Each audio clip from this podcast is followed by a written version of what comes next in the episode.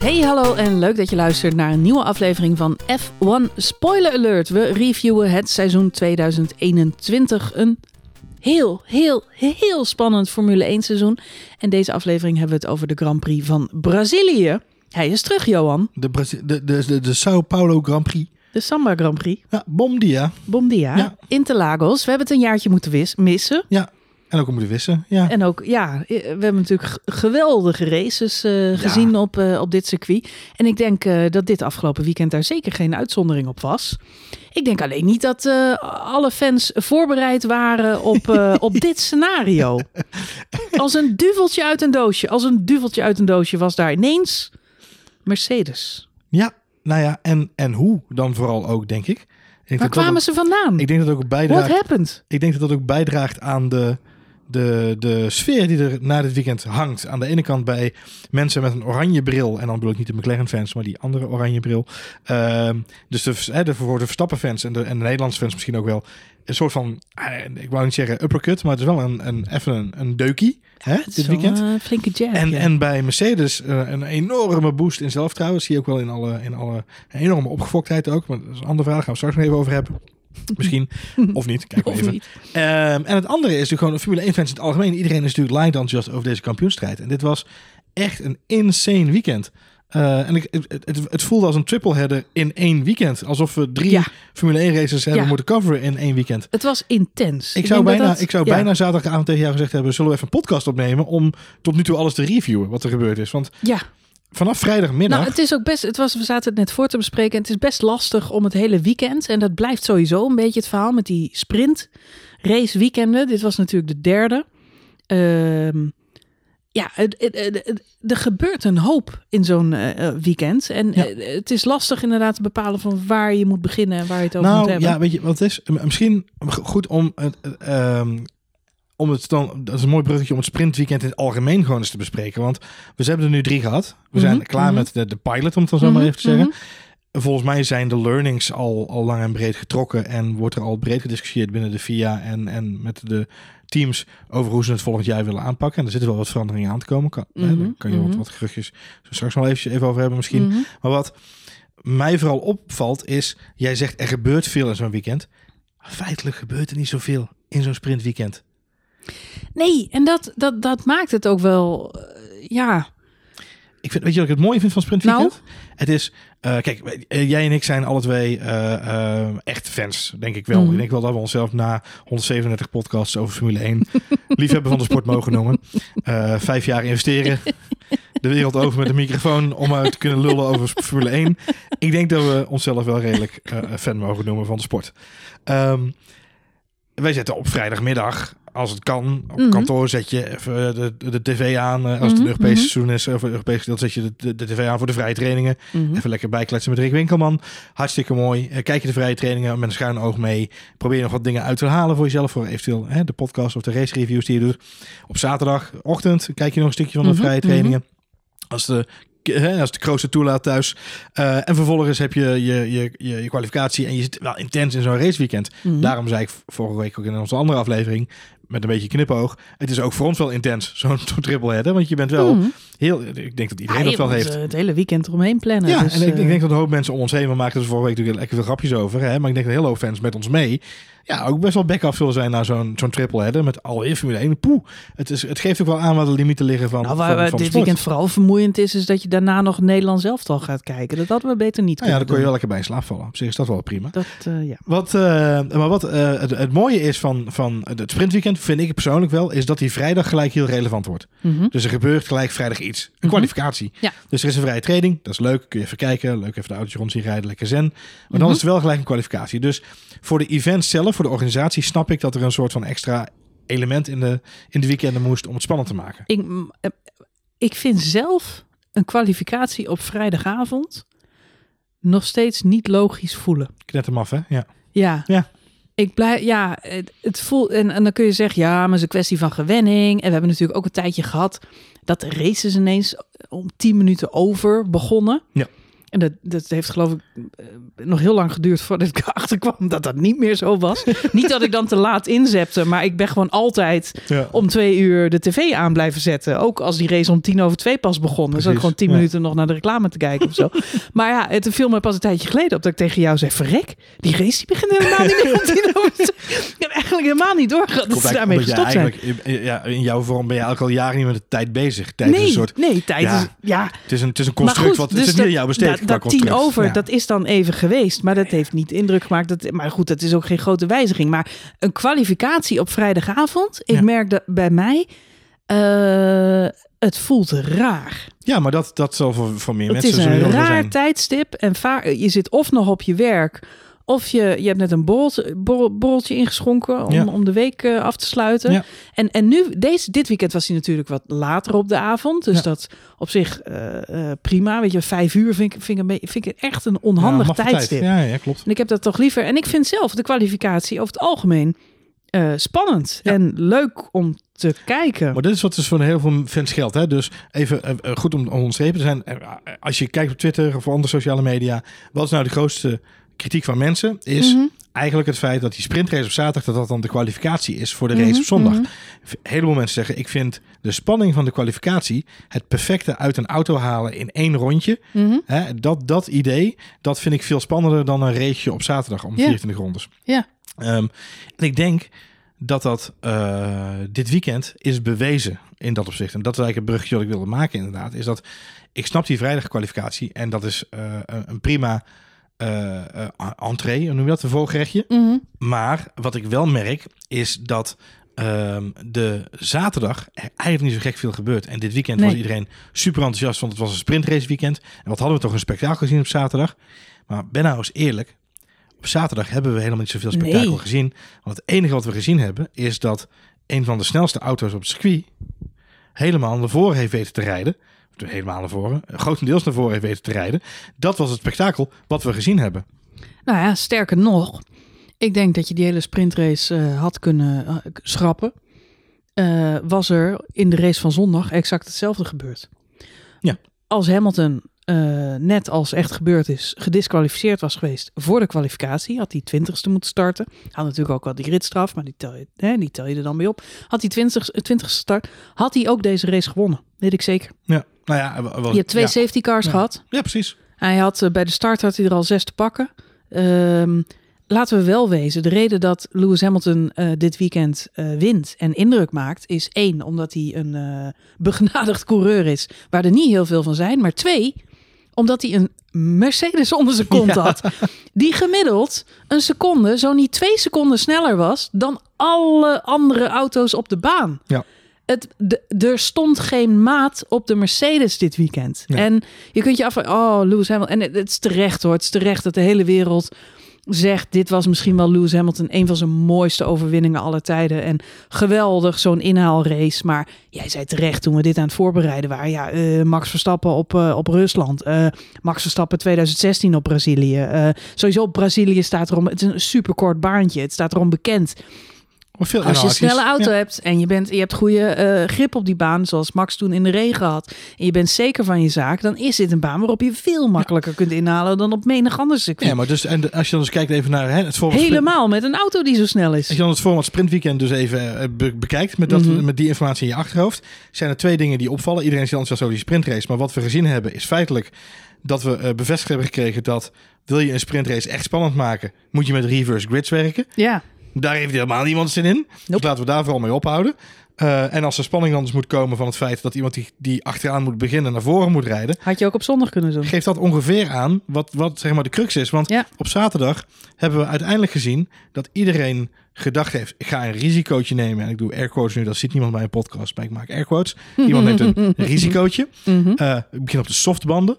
Maar dat betekent ook dat iedereen na vijf, zes, zeven, acht ronden wist dat ze moesten gaan consolideren. Want dit is het tijdperk van hybride motoren. Ja.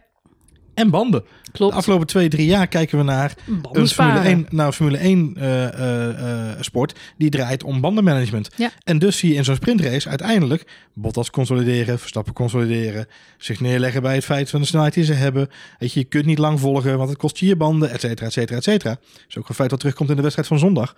Ehm, bandenspanning uiteindelijk, uh, sorry, bandenmanagement. Bandenspanning is altijd goed.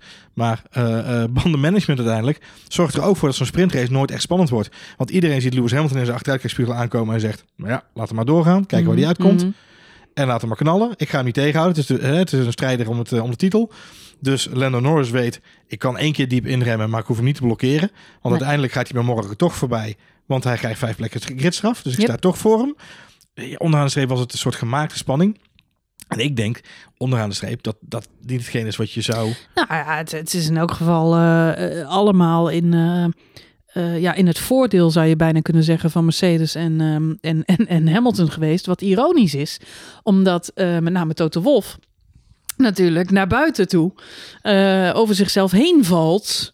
om te laten weten dat hij ontzettend is tegengewerkt. En dat het hele team enorm is tegengewerkt ja. dit weekend. Ja. Maar in alle eerlijkheid was dit uh, eigenlijk een uh, PR-roadshow voor Mercedes. Wat beter dan Zeker. dit. Ze hadden twee dagen, wat zeg ik? Ze hadden drie dagen om hun, hun benen te strekken, zoals ze het in Engels zo mooi kunnen zeggen. De stretch your legs. Wat die Mercedes geweldig deed op dit circuit. Eh, Lewis Hamilton kon shinen. Weet je, ook al, ook al verliest hij het kampioenschap alsnog, omdat de Red Bull zich herpakt. En laten we het hopen dat het in elk geval in die laatste drie races nog wel heel erg spannend wordt. Want dit klassenverschil was zo groot. Als we daar drie races tegenaan kijken, dan gaat dit seizoen als een nachtkaars uit. En dat is het laatste wat we willen hebben. Maar eh, ja, ik ben met jou eens. Die sprintrace, ja. Het was inderdaad uh, uh, ja, een, een show, een gala-voorstelling van, van Lewis Hamilton, die van achteren moet komen. Knap, knappe prestatie tegelijkertijd met die auto. Ja, kijk naar zijn rondetijden, joh. Hij was op, op, op sommige Ja, stukken twee, drie seconden sneller dan, uh, dan de, dan Dan de langzaamste auto ja. op de, op Het de baan. eh, het een De banden lagen de Mercedes goed. De, de afstelling van de auto was goed. In alle opzichten was dit een Mercedesbaan en alles viel hun kant op. Had Lewis Hamilton ook de race gewonnen als hij op zondag als twintigste wa- was gestart? Ik denk van wel. Ik denk dat dat net zo makkelijk was geweest. Zeker met de twee safety cars die natuurlijk ook in, uh, in zijn voordeel waren. Ook in, uh, in de uiteindelijke race. Ja, en wat zie je dan verder nog in die sprintraces? En dan ga ik ook een beetje terugdenken naar die andere twee edities. Wat mij bijvoorbeeld elke keer opvalt, is dat er in die sprintrace steeds één of twee pechvogels zijn. die eigenlijk hun geweldige kwalificatie verspelen. Ik noem dit weekend weer een Kimi Räikkönen, maar ook uh, Fernando Alonso, Gasly. Er zijn een aantal ja. van die jongens die eigenlijk continu ontzettend goed kwalificeren. Kimi Räikkönen is daar een goed voorbeeld van. Gebeurt iets in die sprintrace, vallen ze helemaal achteraan.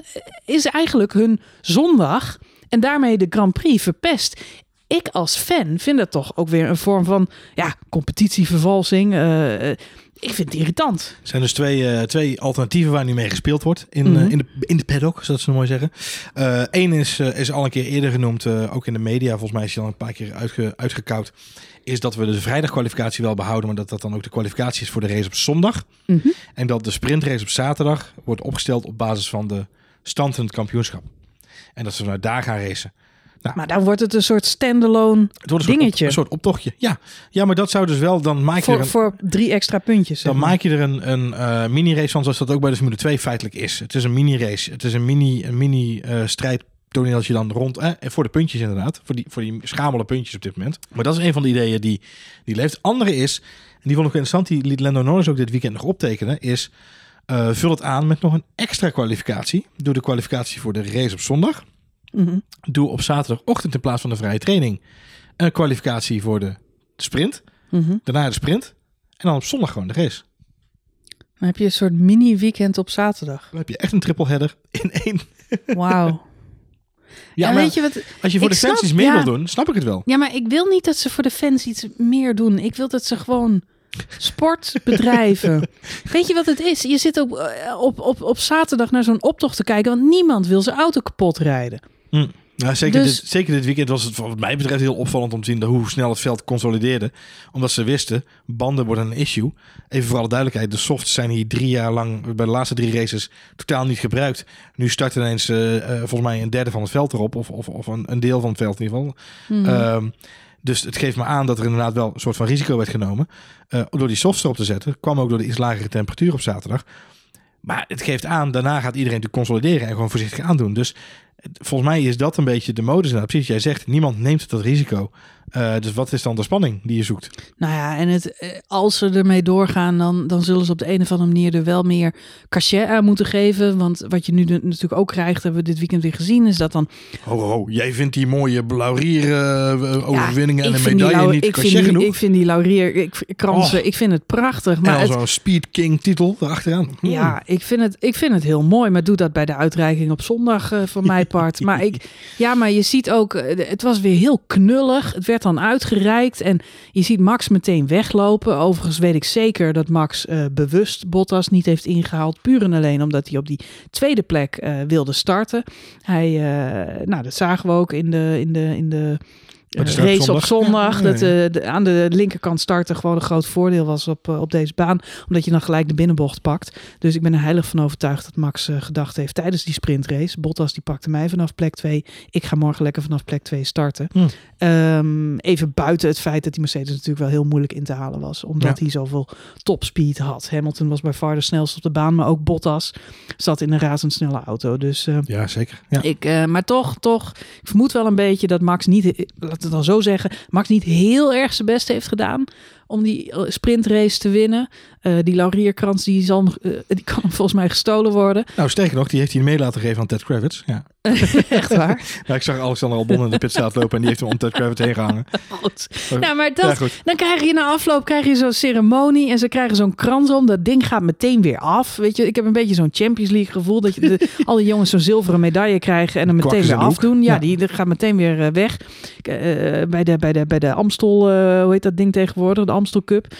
Dat uh, krijgen ze altijd een badjas. Ja. Een badjas. Vroeger gingen die badjassen nog wel eens aan. Dat was een traditie. Ja. Dat is een beetje. Hè? Maar tegenwoordig ligt er gewoon zo'n hele stapel met badjassen op dat veld. Ja. Dat moet je maar eens op geletten. Elk jaar ligt gewoon een stapel badjassen. de sponsor Niemand... het niet waardeert als de spelers een t-shirt. Ja, maar ja, jeetje. Op een gegeven moment moet je met sommige tradities dan maar stoppen. Want als niemand dat of je moet, of je moet hè, uitleggen van dit is het protocol en we gaan ook echt op een podium staan. Weet je waar me ook een beetje aan irriteert? Ja, en weet je tegen... ik, ja, weet hm? er worden gewoon hele badkamers gekapt om zo'n badjas te kunnen maken. En dat is gewoon zonde van de badkamers. ja, het is gewoon vanuit uh, ecologisch perspectief gewoon niet tof. Weet je? Nee. Het is gewoon zonde van de badkamers. Ja, ja, goed. Nee, maar met die laurierkransen maken dan ook een show. Bij die eerste race in, in Silverstone stonden ze natuurlijk op die platte kar. Ja. Dat, uh, dat was allemaal... Uh, Heel Eindhovens was dat, ja. Ja, nou ja, ja, maar het had, het had wel wat. Maar dat is dan blijkbaar ook weer afgeschaft. jij vond dat wat hebben? Nou ja, het had in die zin niet wat. Dat, daar, dat was de eerste Ze reden op een grote platte kar met een groot scherm erachter, crypto.com. En Valtteri Bottas ja, moest een interview. Ik vond het heel weinig hebben. Ik vond het een beetje. wat ik vooral irritant vond, vond is dat het uiteindelijk, uiteindelijk is het natuurlijk helemaal in het nadeel geweest van Max Verstappen. Want hij werd daar rondgeparadeerd over uh, Silverstone met al die Engelse fans. En die Lewis Hamilton, die heeft zich daar een ronde lang zo verschrikkelijk staan opnaaien dat Max Verstappen daar de sprintrace won. dat hij uiteindelijk die, die, die move maakt in, uh, in, de, in de eerste ronde. Ja, nee, maar je weet na dit weekend weer wat er gebeurt als je Lewis Hamilton opnaait. Dus wat dat betreft is dat het laatste wat je moet doen in, uh, ja. als je tenminste wereldkampioen wil worden. Ze hebben het lang volgehouden inderdaad. Ja. Ja, nee, ja, goed. Uh, maar de uh, sprintrace, ja, voor mij uh, schaffen ze het weer af. Ik, nou ja, ik ben er geen fan lastig, want volgend jaar gaan we naar vijf sprintrace weekenden. Dus ja, helaas. Meemakers meebeleven. Helaas. Ik krijg niet altijd gelijk. Probeer het wel hoor. Maar goed, Mercedes, ja. Johan. Het ja, was de raket. De raket, ja, we hebben het er al even over gehad. ja, er was iets aan de hand met de Mercedes dit weekend. um, wat was het? Een motorwissel. We weten wel waarom Bottas uh, de afgelopen uh, races uh, zo aan het klungelen was. Met al die motorwissels en wij maar grapjes maken en memes. En hahaha, ha, ha, hoeveel motors heeft hij inmiddels al versleten? Nou, we weten nu inmiddels allemaal waarom? waarom dat zo was en welk doel dat gediend heeft. Wat ik me tijdens dit weekend toch wel een paar keer heb afgevraagd is of ze bij Mercedes niet een heel klein beetje achter de oren krabben. Dat ze na dit seizoen Valtteri Bottas laten gaan. Want man, oh man, oh man. Als Lewis Hamilton dit seizoen alsnog uh, wereldkampioen wordt. En die kans is na dit weekend denk ik toch weer behoorlijk gegroeid. Want als ze dit zo volhouden, dan uh, kom je er gewoon niet, uh, niet aan te pas als Red Bull zijnde. Ja.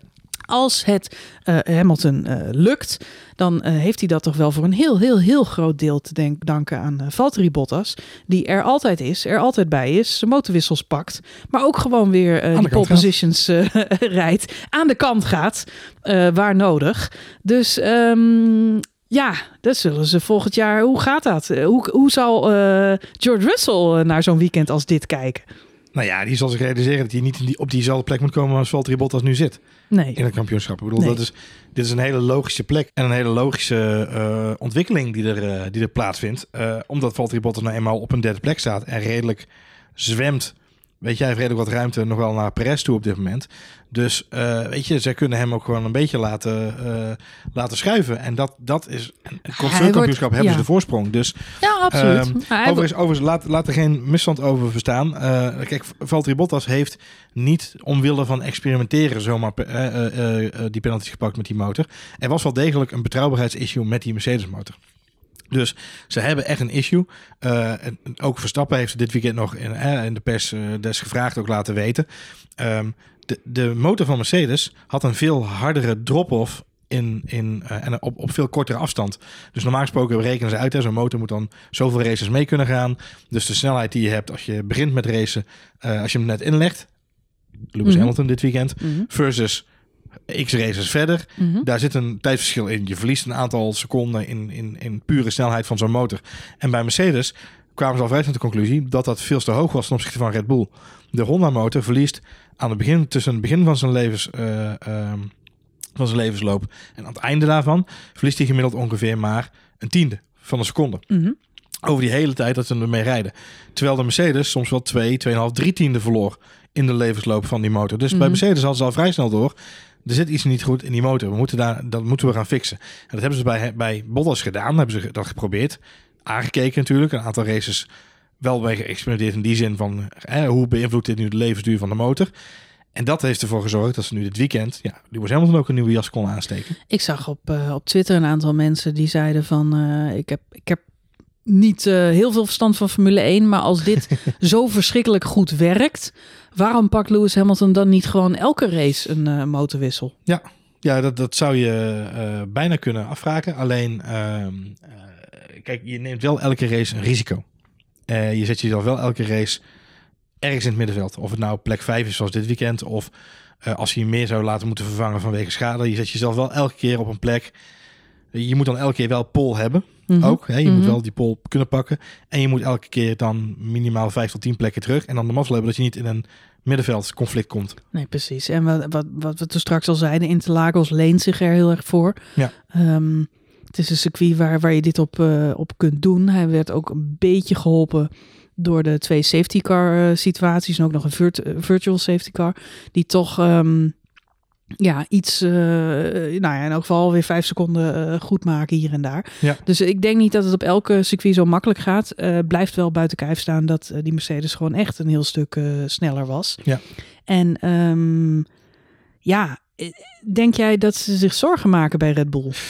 Ja en nee. Ze, ze oogden na afloop heel relaxed, maar dat kan ook een boer met kiespijn zijn. Ja, zeker. Het kan ook schone schijn zijn inderdaad. Kijk, eh, om even aan te geven, ze waren echt heel snel Mercedes dit weekend. En dat zag je in de, misschien wel het beste in vergelijking met de auto's, de niet-Red Bull auto's. Want dat is mm -hmm. denk ik dan het beste vergelijken. Um, van de kwalificatie, hè, de over de snelste ronde bekeken.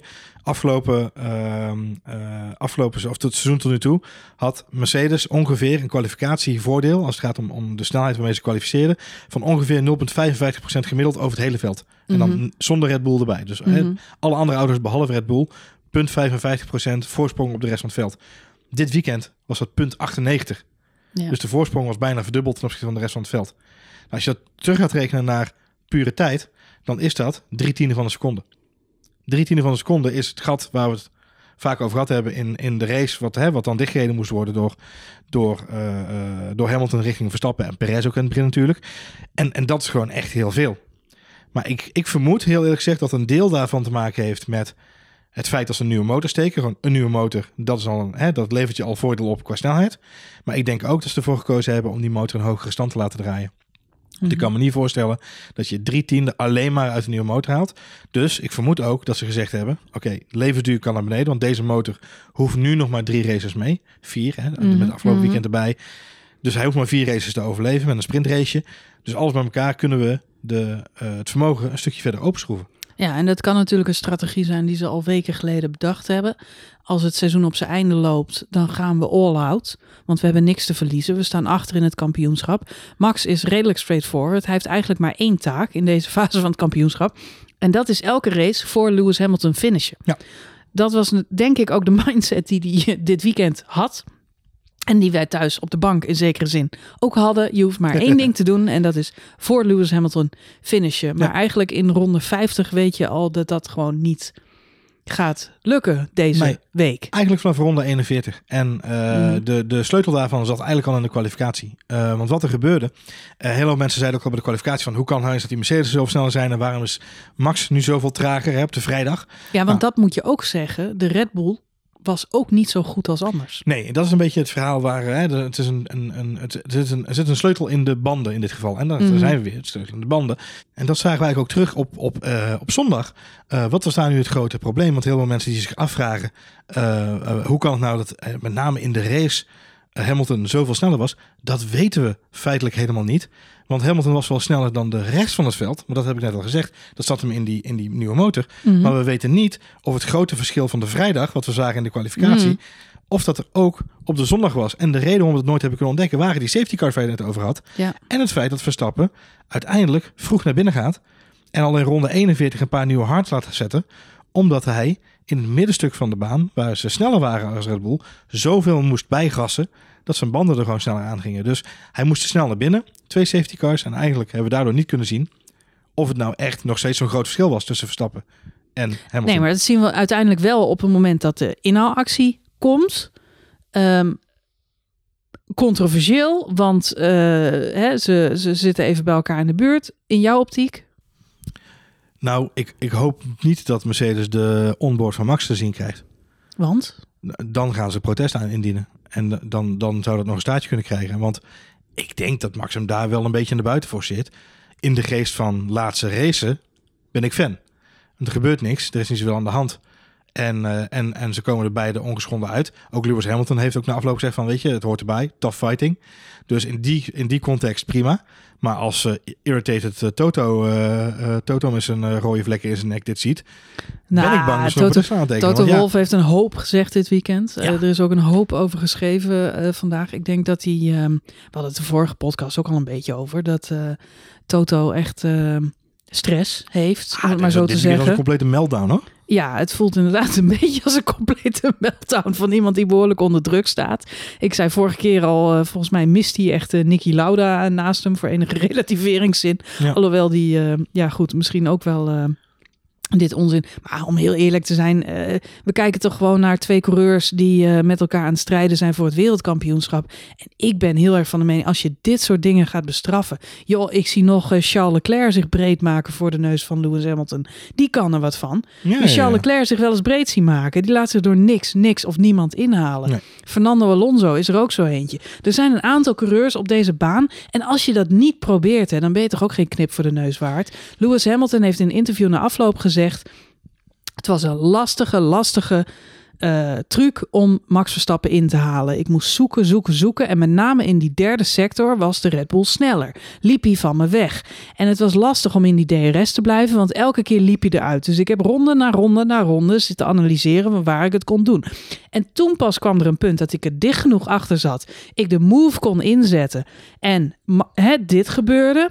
Fine, racing incident, we gaan door. Hij zegt, van, van dat moment leerde ik en dacht ik, dat moet ik niet nog een keer doen. Ik moet een andere plek van zien. Heeft hij ronde na ronde na ronde zitten analyseren waar hij het dan wel kon doen. En heeft hij uiteindelijk de move gemaakt. That's racing. Ja. That's racing. En ik moet heel eerlijk zeggen, als Hamilton uiteindelijk op deze manier het kampioenschap wint, door precies de analyse die hij zelf in dat interview gaf, uh, kan ik daar veel meer vrede mee hebben dan als de racing stewards nu, nu hadden gezegd van nee, je mag hem niet aan een baan dat, heeft ook, dat heeft bijgedragen aan de reden waarom ik denk dat de stewards nu zoiets hebben van we laten het gaan. No further investigation. Want je wil niet dat dit op de jurytafel beslist wordt. op Nou, en om heel eerlijk te zijn, je, zei het net ook al, de gemoederen liepen behoorlijk hoog op. Ik heb eh, F1 Twitter vandaag maar even uit laten staan. Verstandig. Je hebt echt twee kampen. De, de Hamilton-fan, het is weer Silverstone all over again. Want Mhm. alle oud-zeer komt weer naar boven. Ehm, zeker eh, iemand als Toto Wolf, die behoorlijk olie op het vuur gooit over eh, de gloves are off. En eh, vanaf nu is alles. Laten we niet vergeten dat het Mercedes was die begin dit seizoen met hele boekwerken bij de FIA op de deur klopte en zei: hey, die achtervleugel van Red Bull, die is illegaal. En daar zijn ook technical directors voor gekomen. Lewis Hamilton die feest, ja precies. Lewis Hamilton die feestviert terwijl die Max Verstappen van de baan heeft geduwd en de jongen in het ziekenhuis ligt. Er zijn zoveel incidenten geweest dit jaar al waarbij ik denk, nou de gloves die waren al een tijdje Maar, over Toto. en met name precies wat jij zegt. Laten we eerlijk zijn. De, de flexiewing, en da- dat is nu ook waar het nu over gaat. Hè, de flexibele achtervleugel, dat heeft, dat heeft Mercedes even vooropgesteld. Hè. Ze zijn dus naar de FIA gegaan en ze hebben gelijk gekregen. Er is een technical directive gekomen. Er zitten camera's nu op de auto's en sensoren op de auto's. Omdat Mercedes dat heeft aangegeven. Yep. Dus welk herenakkoord? En dan daarop volgend, de pitstopprocedure is aangepast omdat Mercedes heeft aangegeven dat ze zich zorgen maakten over de veiligheid van de pitcrew als we zo bleven, zo'n red race bleven The houden. gloves are off, Toto. Dus ik weet, weet je, ik ben verbaasd over Toto Wolf in, in Er is zijn... niks zo bloedzuigerig als dit soort opmerkingen, terwijl je weet dat het tegenovergestelde waar is ik van de vraag me tegenpartij. da- daarin, da- en daarom dus ook af in hoeverre het allemaal eh één grote poppenkast is van Toto Wolf. Het bedoeld om iedereen kwaad en over de kling te jagen. de kast te krijgen. Ja. Eh, het zou me niet verbazen. Het is namelijk het enige wat ik me kan voorstellen. En ik heb, ik heb hier echt veel... Chaos. Chaos creëren. Ja, is een chaosgranaat gooien. Ja. Ehm, ik heb hier veel over nagedacht. En eigenlijk naar aanleiding van de eerste, eerste keer dat Toto Wolf al zo- zo'n rare eh, opmerking plaatste. En eigenlijk het, het tussen Horner en, en, ehm, en Wolf. En waarom ze dat nou zouden doen. Vanuit, ook vanuit een gewoon als, als, als manager perspectief om zo maar even te zeggen. Ja. Waarom zou je dat ja, doen? het Voor, was voor zo'n sympathieke man. Voor, wie Hij had zoveel het? credits en we vonden hem allemaal zo aardig. En het was een echte sportman. Hij hield van de sport. En als je dan nu ziet, ehm, kijk, hij heeft natuurlijk een, enorme legacy opgebouwd. En Christian Horner is daar tegenaan aan het schoppen gegaan. Die heeft gezegd, ja, maar heeft hij, dat team eh, heeft hij overgenomen en die coureur, die, die was al getekend. En eigenlijk heeft hij niet zoveel toegevoegd. Hij heeft, het wel- overgenomen. Hij heeft het lekker laten draaien, maar het draaide toch al. Ik bedoel, de, de hele procedure was al opgestart. En het is hem toch ergens, denk ik, toch onder de huid gaan zitten op de een of andere manier. Ehm, en, en ja, weet je, nu, als je hem dan nu zo ziet reageren in deze high-stress situations Ja, het kon, het kon- ja. kun je niet anders afvragen. Dat, hij voedt eigenlijk die discussie die er eigenlijk niet meer zou hoeven te zijn. Voor iemand die zeven keer wereldkampioen geworden is. Ja, ja, weet je wat het is? Ik vind het zo kleinzerig. maar dat is precies wat ik bedoel. Hij heeft zeven wereldtitels eh, naar binnen ges- eh, Ik snap, en dan zit hij met dat vingertje zo naar de camera te wijzen. En dan, eh, het is, het is rancune. Het is, er zit een, een frustratie Ja. en een kwaadheid in. Waarvan ik denk, Toto, doe nou eens even rustig aan, joh. Je hebt nog steeds een hartstikke goed team. Je hebt twee topcoureurs. Want Valtteri Bottas, ik vind dat hij de sterren van de hemel rijdt. In elk geval, in de functie die hij nu heeft. Ja, ja, Hij gaat nooit wereldkampioen worden. Ik hoorde trouwens, eh, eh, luister podcast tip, maar Beyond the Grid heeft een eh, interview gedaan met Valtteri ja. Bottas. Erg leuk interview, dus voor degenen die het nog niet geluisterd hebben, zoek het even op. Was de cover van de podcast wel ontworpen door Tiffany Cromwell? Nee, Oh, oké. in tegenstelling tot zijn prachtige Pinterest helm. Ja. Die, eh, Met de quote van Gilmore Girls. de quote van Gilmore Ja, Girls. heerlijk. Jij, jij, hebt, jij zag de helm en jij dacht, ik ga dit googlen. Ja, ik zag die quote achterop en toen dacht ik... ik, hij kent het. nee, hij sprak Oh. de quote uit. hij sprak de quote uit. En toen dacht ik... Dat klinkt als een Senos-bord. Ja, In dit huis drinken we koffie en dan doen we de dingen. Dus Ja. ik dacht, ik ga even googlen. ja. Nou, binnen no time heb ik dat plaatje gevonden Mhm. op, op, op Pinterest. Met ik weet niet hoeveel variaties. Maar Ook, in, ook in dat font. exact dezelfde variatie die achter op zijn helm had. Het is Ja. gewoon een shutterstock ja. afbeelding. Dus het is gewoon, weet je, je moet, je moet, je moet, ja, weet is gewoon gedownload, geknipt, geplakt. juist. kleurtje dus, erop. Ze hebben gewoon, door, hier, eh, Schubert, kun je dit even achterop, er, uh, spraypainten, klaar. Image overlayer. Exact, knipje plakkie. Ehm, dat is één wat, van, wat cringeworthy is. Maar toen, toen dacht ik, eh, oké, dat is grappig dat er zoveel plaatjes van zijn. Want het is dan kennelijk een hele bekende quote. Dus toen in plaats van afbeeldingen zoeken, ging ik naar gewoon websearch. Mhm. En dan staat er boven, from which movie or series is this quote? Mm. Dus ik, ik, ik- nou, freaking Gilmore Girls. Wat eh, volgens mij een van de... Is een drama of romcom serie is uit de jaren... Ja, dan moet je mij niet aankijken 90? alsof ik van het genre ben. Nee, ja, ik, eh, ik ook niet. Maar het is een... Gilmore ik, zou, ik zou het bijna gaan opzoeken op, eh, op Netflix. Op Netflix is daar iets van geweest. Dat, eh, daar ken ik het van. Ze hebben toch ook een reunie gedaan? Oké. Alles doet een reunie. Was, dat, was dat samen met de Party of Five? Of? Bestaan die ook nog? Geen, nee, die zijn nu met z'n drieën. Want... Heb ik ook nooit gekeken. Nee. Dit zijn allemaal eh, series Maar die niet het, in mijn dit, dit is repertoire begin zitten. zero's, toch? Ja, goed. Dat denk ik. Ik denk het ook. Ik weet niet. Maar in ieder geval, eh, daar kwam Gilmore de quote. Girls. Gilmore Girls. Gilmore Girls. Dus kennelijk keek Tiffany Ja, wel. Ja, dat denk En ik. bij Tiffany denkt ze elke keer denkt ze aan die serie. Als Ja. Valtteri weer een kopje neemt, dan denkt ze... Ah, Dan denkt ze aan eh, first he drinks the coffee, Ja. then he does the things. Nou, ik moest erg lachen, want in die podcast gaat het inderdaad ook over koffie. En eh Valtteri, eh, ja, eerst kletsen ze een beetje over, over Formule 1 en dat het seizoen nu zo lekker loopt. En dat is overstap naar een ander team of hij er lang over na heeft moeten denken. En, en dan gaat het over koffie. En eh, nou, dan begint hij dus te vertellen dat hij in Finland in de, in de jury heeft gezeten van de, van de nationale Finse koffiekampioenschappen. 27 espresso's. Ja. Ja, ja, die heeft hij ook allemaal eh, doorgeslikt. Dat schijnt Oh. niet de bedoeling te zijn. Hij zegt, nee, maar als ik wijn proef of als ik koffie proef, slik ik door. Want ik vind het zonde om te uitspugen. Dus hij had ze allemaal, hij zegt, dat was wel een beetje te veel. Dus we dus niet uitnodigen voor je whiskyproeverij. Nee. Nee, dat zou ik zeker niet, eh, niet doen. Maar eh, nee, dus, dus hij begint heel enthousiast te vertellen over hoe verzot hij op, op koffie is. En op een gegeven moment onderbreekt de interview hem ook. En die zegt, eh Valtteri, het valt me op dat als het over Formule 1 gaat, dan ben je heel relaxed. Maar als het over koffie gaat, dan schuif je ineens je stoel aan en dan leun je naar voren. en dan word je bloedserieus. Dus het komt erop neer dat Valtteri Bottas echt, echt, echt gek is op koffie. En koffie ook gek op Valtteri. Ja, Dus dat scheelt. ja. Ja. Dus... eh, Wat wilde je zeggen? Want hij was eh, in Beyond the Grid, maar dat, dat, dit was het, eh, de quote Nee, die ja, wilde- nou, het ging me. dit is ook een mooie het quote, We hadden het over Toto Wolf en dat Ja, ja. Toto Wolf gewoon trots moet zijn op het, op ook nu weer op het seizoen wat hij draait en op eh, Lewis Hamilton en hoe hij zich herpakt en en trots zijn. Dat hoeft wat mij betreft niet met zoveel rancune gepaard te gaan, want er is niemand die je wat aandoet, er is niemand die je tegen zit. Ik, ben- in alle interviews wordt nu gezegd, eh, alles en iedereen was tegen ons. En dan laat hij in het midden over wie die het dan heeft. Maar Ja, ja. Jij zei gisteren, nee, hij heeft het over de wedstrijdleiding en eh, die, die people hem. Ik zeg, ja, maar het klinkt ook heel erg alsof hij het over Red Bull heeft. Terwijl ik denk, ja, luister, die motorwissel, die vijf plekken.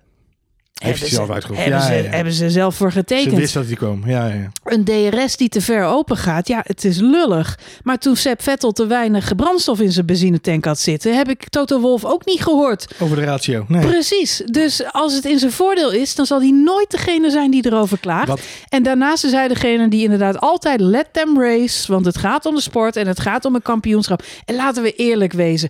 Ja, het was even eh, eh, lastig om, eh, om voorbij die Verstappen te komen. Ja. Maar op het moment dat Hamilton het voor de tweede keer doet en er gewoon omheen zeilt, Ja. zien we toch een prachtige, prachtige, prachtige inhaalactie. ja, Ja, hij is, hij is, En dat is deze sport. En hij moet dan ook groot en volwassen genoeg zijn om daar gewoon te, van te genieten. wat, wat het mooie is van wat jij nu omschrijft, van, van, van Hamilton en van, Mhm. van zijn, zijn constante prikken, zoeken, kijken. Dat is hetgene wat dit weekend, wat mij betreft, dat iedereen heeft het over de inhaalactie en zo fantastisch. En ik denk dat we met z'n allen lang en breed hebben vastgesteld dat die auto ten opzichte van de rest van het veld gewoon beter was. Ten opzichte van de Red Bull weten we het dus niet, helaas. Nou ja, dat Maar- wou ik net nog zeggen. Maar we zien het na die inhaalactie, want dan loopt hij 10 seconden weg. Ja, maar daarvan heeft Max ook gezegd, ik moest wel, want mijn banden waren gewoon compleet agort. En ik wist dat Valtteri eraan zat te komen. Dus ik moest gaan sparen. Ik moest hem ook laten Mm. lopen. Ik kon niet Mm. blijven volgen.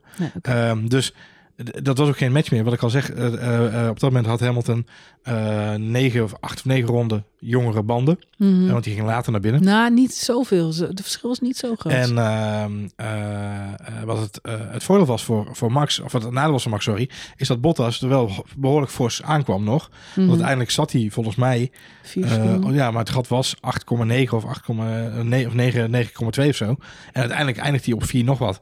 Dus eh, Max wist dat hij wel echt moest gaan sparen en veilig moest uitrijden. Hij settelde op dat moment ook wel echt voor 2 en laat Lewis dan ook echt lopen. Dus helaas zullen we het nooit echt weten. Maar het mooie van, van Lewis Hamilton zijn weekend wat mij betreft is eh, samen te vatten in, in wat mij betreft twee, misschien drie inhaalmanoeuvres van het weekend. Mhm, Ehm, de eerste is op Lennon Norris eh, tijdens de sprintkwalificatie, de sprintrace. mhm. Ehm, eh, bocht 1 Waar hij heel laat inremt. Aan de binnenkant pakt hij dan Lando. Hij haalt die bocht nog. En het is gewoon een fantastische... Dat is echt een agressieve move. En dat was niet per se nodig geweest, maar hij deed het wel. Mhm. En, en ik denk dat Lando ook weg wel de ruimte liet daar. Hè, want waar we het net al over hadden, die jongens die wisten ook allemaal, hij gaat weer naar achter straks. Mhm. Dus laat hem maar komen. Maar de andere, en die is niet zoveel, die, die is, ik heb hem nog, nog even terug zitten kijken, is op Charles Leclerc. Hij is daadwerkelijk twee rondjes, of ja, volgens mij wel twee rondjes is hij aan het jagen op Charles Leclerc. Ja, maar dat is een lastige om in te halen. Omdat hij weet dat het een lastig is. Mm. Hij krijgt dan vanuit Bono, krijgt hij te horen, ja, daar en daar ben je sneller. Je ziet hem dan in de eerste keer dat hij, dat hij, dat hij aan het oplijnen is voor die aanval, zie je hem een bepaald aantal lijnen rijden van oké, dan haal ik het net niet. Want hij weet, ik moet op een bepaald moment, moet ik de DRS hebben op een bepaalde afstand, want dan heb ik de maximale drag om te kunnen uitremmen. En dat is zo, ontzettend intelligent gereest. En Max kan het ook zo goed. Dus daar gaat het niet om. Want het laat alleen maar zien dat deze twee mannen op een, op een ander niveau staan. Ben ik met je eens? Verder aan het kijken van een neus lang is. Ja, ik ben het met je eens, maar ik blijf wel zeggen... Hamilton in die Mercedes dit weekend, warm mes door zachte boter. Ja. Het, was, wat dat, het zijn mooie inhaalacties. Ik wil daar niks aan afdoen. Maar het deed toch wel heel veel denken aan de seizoenen van twee jaar, 2019, 2018. De jaren waarin Mercedes gewoon opper, oppermachtig was. Ja, eens. En eh, ja, ik had ook nog flashbacks naar, naar Ferrari, die natuurlijk eh, toen terugkwamen met, eh, met, met, met ja, hè, wat uiteindelijk Ferrari Gate in de doofpot is gegaan, wat we nooit achter zullen komen, wat daar nou precies aan de hand was. Maar man, wat liep die Ferrari ineens hard. Ja. Was niks aan te doen. En uiteindelijk bleek het toch iets illegaals te zijn. Dus ik vind het niet zo gek dat dit weekend iedereen, en nu nog steeds, hè, we zitten een dag na de race en nog steeds krabbelt iedereen zich een beetje achter de oren van, was het nou alleen die motorwissel? Ik lees het ene na het andere artikel. Hoe kwam het nou dat Mercedes ineens zoveel sneller was op dit circuit? Wat van oudsher echt een Red Bull circuit eh, zou zijn. Dus ja, de- en, en dat, wat krijg je dan? Zeker na een seizoen waarin Mercedes gewoon niet oppermachtig was.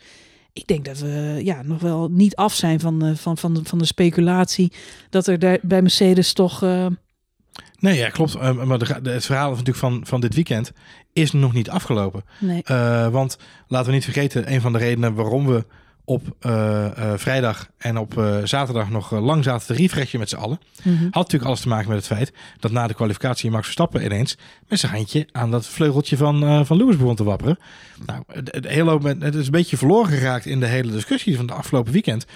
Maar de reden waarom we überhaupt het hebben over een te grote open DRS heeft te maken met het feit dat ehm, Red Bull een hele bak met bewijsmateriaal heeft aangeleverd bij de stewards over die vleugel van Mercedes. Want Red Bull is er nog steeds van overtuigd dat ze iets doen met die vleugel, waardoor ze die snelheid halen. Ze hebben een downforce, Christian heeft ook weer gezegd, ze hebben een downforce op het rechtstuk.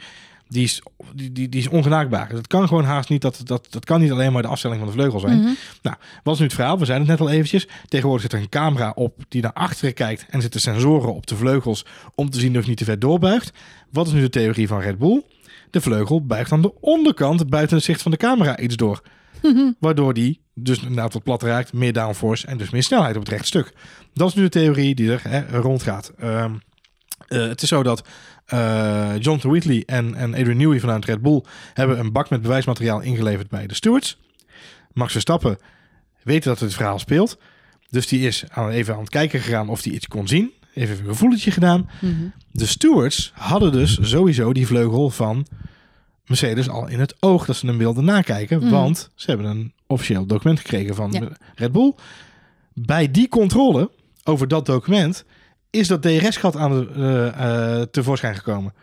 Ah. Dus het gaat niet zozeer om wat er gebeurd is, dat, het, dat ze gewezen zijn op die DRS-malfunction, dat dat een theorie is. Oh. Maar omdat Red Bull met een bak met bewijsmateriaal is gekomen rondom die vleugel, Mhm. Ehm, is het, is, zijn de stewards gaan kijken, is Joe Bauer gaan kijken met zijn team. En toen zijn ze, hebben Toen ze dat zijn ze gat niet ontdekt. door die, door die, die, die Toen afstandstest ze door gekomen. die test heen gekomen. Nou is het verhaal als volgt. En dit is wel, hè, als je dan een beetje de nuance voor Toto wil opnemen. Mhm. Wat is het verhaal? Red Bull heeft nu de afgelopen drie wedstrijden ook heel veel moeite met hun achtervleugel. Mhm. Eh, in Mexico zelfs nog met tape hè, hebben we nog gezien dat Ja. ze de tape moesten eraan moesten hangen. Dat is nu het verhaal. Red Bull heeft tot nu toe bij al de drie de races in het, eh, in het, op het Amerikaanse eh, continent goedkeuring gekregen van de FIA om onder Park regels de vleugels te repareren. Mhm. Omdat er een defect aan was. Ja. Dat mag Mercedes dus eigenlijk ook. Ja. Maar Toto Wolff had gehoopt, gedacht, Ja. Onder de mot- motto van, nou ja, eh, er is iets kapot gegaan aan de DRS. Shit, dat hadden we niet door. Kunnen we hem even vervangen? Maar in plaats daarvan krijgen ze nu een, een disqualificatie aan de broek. Omdat hij dus niet aan de regels voldoet. En daar wringt de schoen. Dat er nu gelijk gezegd wordt, ja, maar jouw spullen voldoen niet aan de regels. Disqualificatie. Terwijl we dus nooit zullen weten of wat er bij Red Bull aan de hand was. Waardoor ze hun vleugels hebben vervangen in Park Vermee.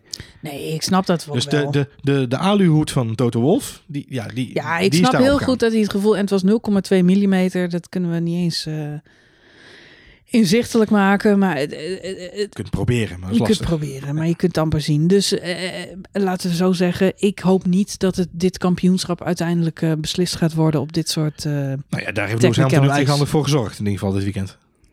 dat Dat, in ieder geval geen beslissing gaat worden in het kampioenschap op basis van deze DRS-gate. De vraag is alleen, wat gaat er nu gebeuren met die, met dat dossier wat Red Bull heeft? Want de vleugel waar we het over hebben, die is nog steeds impounded bij de FIA. Ja, Dus dit verhaal eh, krijgt nog een dan krijg je nog een staartje. staartje, vleugeltje. Een vleugeltje. Ehm, andersom, het verhaal, en daar, had daar heeft Reding al even naar, krijgt het verhaal van Verstappen en Hamilton in die race misschien ook nog een staartje. Want als inderdaad zo blijkt dat die beelden van Verstappen wel beschikbaar komen van de voorwaartscamera. En Mercedes dient die in als nieuw bewijsmateriaal om te laten zien dat Max expres instuurt of hè, dat hij daar een echte ex, een expliciete fout maakt. In plaats van let them race probeert hij wel degelijk Hamilton eraf te duwen. Als we dat hard kunnen maken, kunnen ze protest aandienen. De Red Bull heeft dat ook gedaan naar aanleiding van de situatie in eh, Silverstone. Met Albon, met die fantastische video die ze gemaakt Mhm, hebben. mhm. Ehm, nou, in dit geval eh, Maar die kan- is afgewezen. Eh, is afgewezen uiteindelijk inderdaad. Maar er is wel ruimte. Eh, Volgens mij Aston Martin en eh Alfa Romeo hebben dit jaar ook al een aantal keren dit soort protesten aangetekend. Dus er is ruimte daar om te protesteren. Eén kleine, klein, klein, klein dingetje wat spannend is, Mhm. is de, de, de protesten die er zijn gedaan, zijn gedaan tegen daadwerkelijke uitspraken van de stewards. Mhm. Alleen de stewards hebben in dit geval besloten dat er geen actie nodig was. De vraag is even of je bezwaar kunt aantekenen tegen iets waar geen actie op is ondernomen. Dat is nog even de, het grote vraagteken wat nu boven de markt hangt. Mm. Maar als ik kijk naar Maar Toto, op Lewis Hamilton op Silverstone is er ook geen actie ondernomen. hij heeft 10 seconden straf gekregen, maar hij finishte met eh 20 seconden, 15 seconden voorsprong. Oh. Dus hij heeft toen wel 10 seconden penalty gekregen uiteindelijk. Maar dat was eh, Mm. natuurlijk lang niet, bij lange na niet genoeg. Mm. Was laughable, zou je wel zeggen. En dit weekend zei Ron Laughable, dat over eh, laughable. de... Ja, ik moet wel zeggen, elke keer als eh, Hamilton dit seizoen een straf eh, krijgt, heeft dat niet zo heel veel impact. Dus misschien moeten we gewoon ophouden met Lewis Hamilton straffen geven. Echter, ja, ja ik ben echt van mening dat we, ik vind, het, het werkt twee kanten op. Maar laten we niet, laten we hopen dat, dat we dit prachtige, prachtige Formule 1 seizoen eh, kunnen afsluiten. ja, en niet besloten wordt. En wat jij zegt, Lewis Hamilton heeft er zelf voor gezorgd dat hij die straf ongedaan heeft gemaakt. En eh, zijn goede auto natuurlijk ook. Wat niet zo kan en mag zijn, is dat we een tweede Ferrari-gate te pakken hebben. En daarover ja, zit ik me toch nog steeds een beetje achter de oren te krabbelen. Van hoe kan het toch dat die Mercedes ineens zo verschrikkelijk snel is? En als dat nu zo blijft, ja, dan is Red Bull gewoon het haasje. Dan, eh, Dat is leuk. Hij haalt het haasje. Leuk. ja, dan, zal, Jean, eh, zal Jean leuk vinden. dan is het uithuilen en opnieuw beginnen ik, denk, in ik denk heel 2022. eerlijk gezegd dat het wel meevalt met die snelheid. En dat daarom ook de, de blikken bij Red Bull minder stressvol waren dan dat we misschien met z'n allen verwacht hadden. Ik denk dat de snelheid uiteindelijk echt wel, wat ik, wat ik al zeg, op zondag hebben we het niet kunnen zien vanwege de safety car en andere zaken die ervoor zorgen dat de auto's dicht bij elkaar kwamen te liggen. Mhm. En dan is het altijd fair game natuurlijk. Dus ik vermoed dat ze bij Red Bull ook heus wel weten dat ze nog wel iets van de voorsprong hebben. Ja. Echter, ik heb vandaag de virtuele onboard gezien van Jarno Opmeer eh, van Jeddah, het, het nieuwe stratencircuit, Mhm. wat er gelegd is. Eh, daar, daar heeft Red Bull niet veel te zoeken. Dat is gewoon een soort rechte lijn met een paar knikjes erin. Oh dear. Maar daar gaat gewoon die raket van Mercedes gewoon... eh, ik, ik, ja, ik ben daar vrees ik nu op dit moment het meeste voor. Dus alle hoop op dit weekend en op Abu Dhabi. Maar die race in Jeddah, dat, daar kan ik nu wel een, een, een, een, voorzichtig met potlood een, een naam op nummer 1 in tekenen. Oh god toch. Het worden eh, zware weken voor, Voor de, liefhebbers. voor de Nederlandse Formule 1 fans, jongens. Het is al zo heftig. Ehm, nou ja, goed. Ja. eh, Ja, volle moed vooruit. We gaan naar hartstikke Ja. mooi nu. Ik bedoel, mm, eh, mm. nee, geen vertrouwen in. Ja, nou ja. Ah, joh, het komt goed. Het komt goed. Maar ik zei het vorige podcast al. Ik kijk toch met een iets minder relaxed gevoel Formule 1 op dit Ach, moment. maar Jolijn, uiteindelijk, hè, wie er nou wereldkampioen wordt, de liefhebber is de grote winnaar. Oh, wat een dooddoener. Goed. ehm, We gaan eh, afronden, Johan. Goed de idee. Grand Prix van eh, Brazilië. Ik, eh, ik voel me alweer helemaal Back af. ja, ges- ja, gestrest om het hele, hele race nog een keer mee te maken. Maar we mogen nog even door, want ehm, eh, volgend weekend is het, is het weer aan het bakkie. Ja. Dan moeten we weer. Zouden ze al in het vliegtuig zitten? Ja, ze waren zelfs al, sommigen waren al op locatie zelfs inderdaad. Kijk, Ja. Ja. kijk eens aan. Kijk eens aan. Of 27 daar, dus eh, Lekker. ben benieuwd. Ik ben heel benieuwd. Goed, We we hebben nog, eh, nog drie races te gaan in dit eh, mooie kampioenschap. Hoe het ook zij, ik, ja, ik heb alle vertrouwen in dat de beste auto met de beste coureur dit seizoen gaat winnen. En wie dat dan precies is, dat, dat weten we nog niet. En Dat ik valt vind nog het te prachtig jongens dat we het met z'n allen samen mogen beleven. Hè? Jij, ik, onze luisteraars. God toch. Eh, wil je Kumbaya. reageren op Kumbaya. deze podcast of de dooddoeners van eh, Johan Voets aan het eind van deze podcast? Kumbaya. Kan dat in de Telegram-app van F1 Spoiler Alert. Regenboog.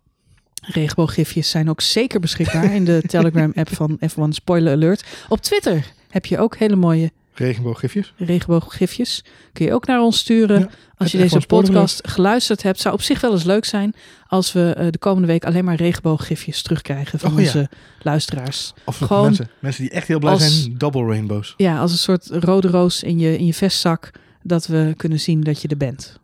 ik ben 2 meter 10 lang en u kunt Ja. mij herkennen aan een rode roos. Ja, Nou, in dit geval dus een regenboog. een regenbooggifje op Ja. Twitter. Stuur ze alsjeblieft door. Leuk. Wij eh, kijken er naar uit. Nou. En dan weten we dat jullie er nog zijn. Geef ons een teken van leven, eigenlijk wat Marjolein zegt. We geloven eigenlijk niet dat er nog mensen naar ons luisteren op dit moment. Ah, Sowieso double is de vraag, Marjolein, ik geef, je, ik geef je op een klein presenteerblaadje. Mhm. Ik kan natuurlijk een beetje de statistiek van onze podcast zien. Ja, Ik kan je verklappen dat er is een klein Ja. groepje mensen ja. Die echt, dankjewel jongens jullie er zijn, die heel fanatiek tot op ja dit moment komt- nog bij ons komt, zijn. dat, dat, dat komt ook eh, doordat niemand nu naar zijn werk reist. Dus ehm, Maar er is geen reden om op de parkeerplaats te blijven zitten. bedoel nee, precies. dus, eh, dus er wordt minder in de auto gezeten. Daarentegen, als je Ja. gewoon thuis even beu bent, dan zeg je, ga even po- spoiler luisteren. Ja, ga wandelen, Dus, fietsen. Ja, fijn dat we maar daar is het weer- ook niet echt het weer voor, hè? Ja, fuck weer. Ja, is daar Doe- al eens een keer onderzoek naar Doe, gedaan? doe gewoon een paar intermediates naar aan. het weer en de luistertijd van podcasts. Ah, nou, niet weer ik zo'n denk dat in de zomer, ik heb dat wel eens eh, iemand zien zeggen, maar waarom in de zomer hebben heel veel podcasts hebben zomerstop? Wat Mhm. eigenlijk het stomste idee van de wereld is, want juist in de zomermaanden Ja. luisteren mensen heel veel zo, eh, podcasts. Ja, Gelukkig zijn wij er altijd in de zomer. ja, ik maak Behalve in de die zomer drie weken in het jaar. De koelkast. De koelkast. Een speciale Goed, Eh, heel erg bedankt voor het luisteren. En tot volgende week bij een nieuwe aflevering van F1 Spoiler Alert.